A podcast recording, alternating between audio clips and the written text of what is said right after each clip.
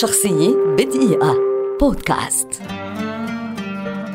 أسامة أنور عكاشة روائي وكاتب مسلسلات وأفلام ومسرحيات مصري كبير ولد عام 1941 ويعد واحدا من أهم المؤلفين وكتاب السيناريو في الدراما المصرية والعربية وتعتبر أعماله التلفزيونية من الأهم والأكثر متابعة وانتشارا في مصر والعالم العربي. حصل على ليسانس الآداب من قسم الدراسات النفسية والاجتماعية بجامعة عين شمس عام 1962 وعمل بعد تخرجه أخصائيا اجتماعيا في مؤسسة لرعاية الأحداث ثم عمل مدرسا في مدرسة بمحافظة أسيوط قبل أن ينتقل للعمل بإدارة العلاقات العامة بديوان محافظة كفر الشيخ وانتقل بعدها للعمل كأخصائي اجتماعي في رعاية الشباب بجامعة الأزهر حتى عام 1982 عندما قدم استقالته ليتفرغ للكتابة والتأليف.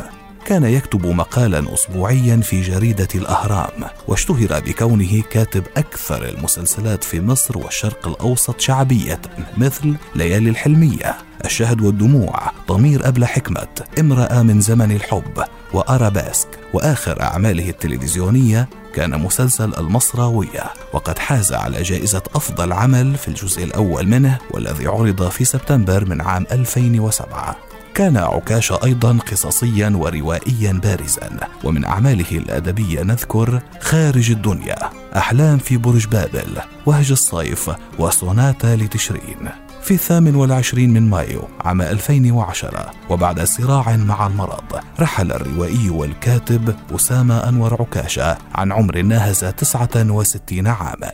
شخصية بدقيقة. بودكاست.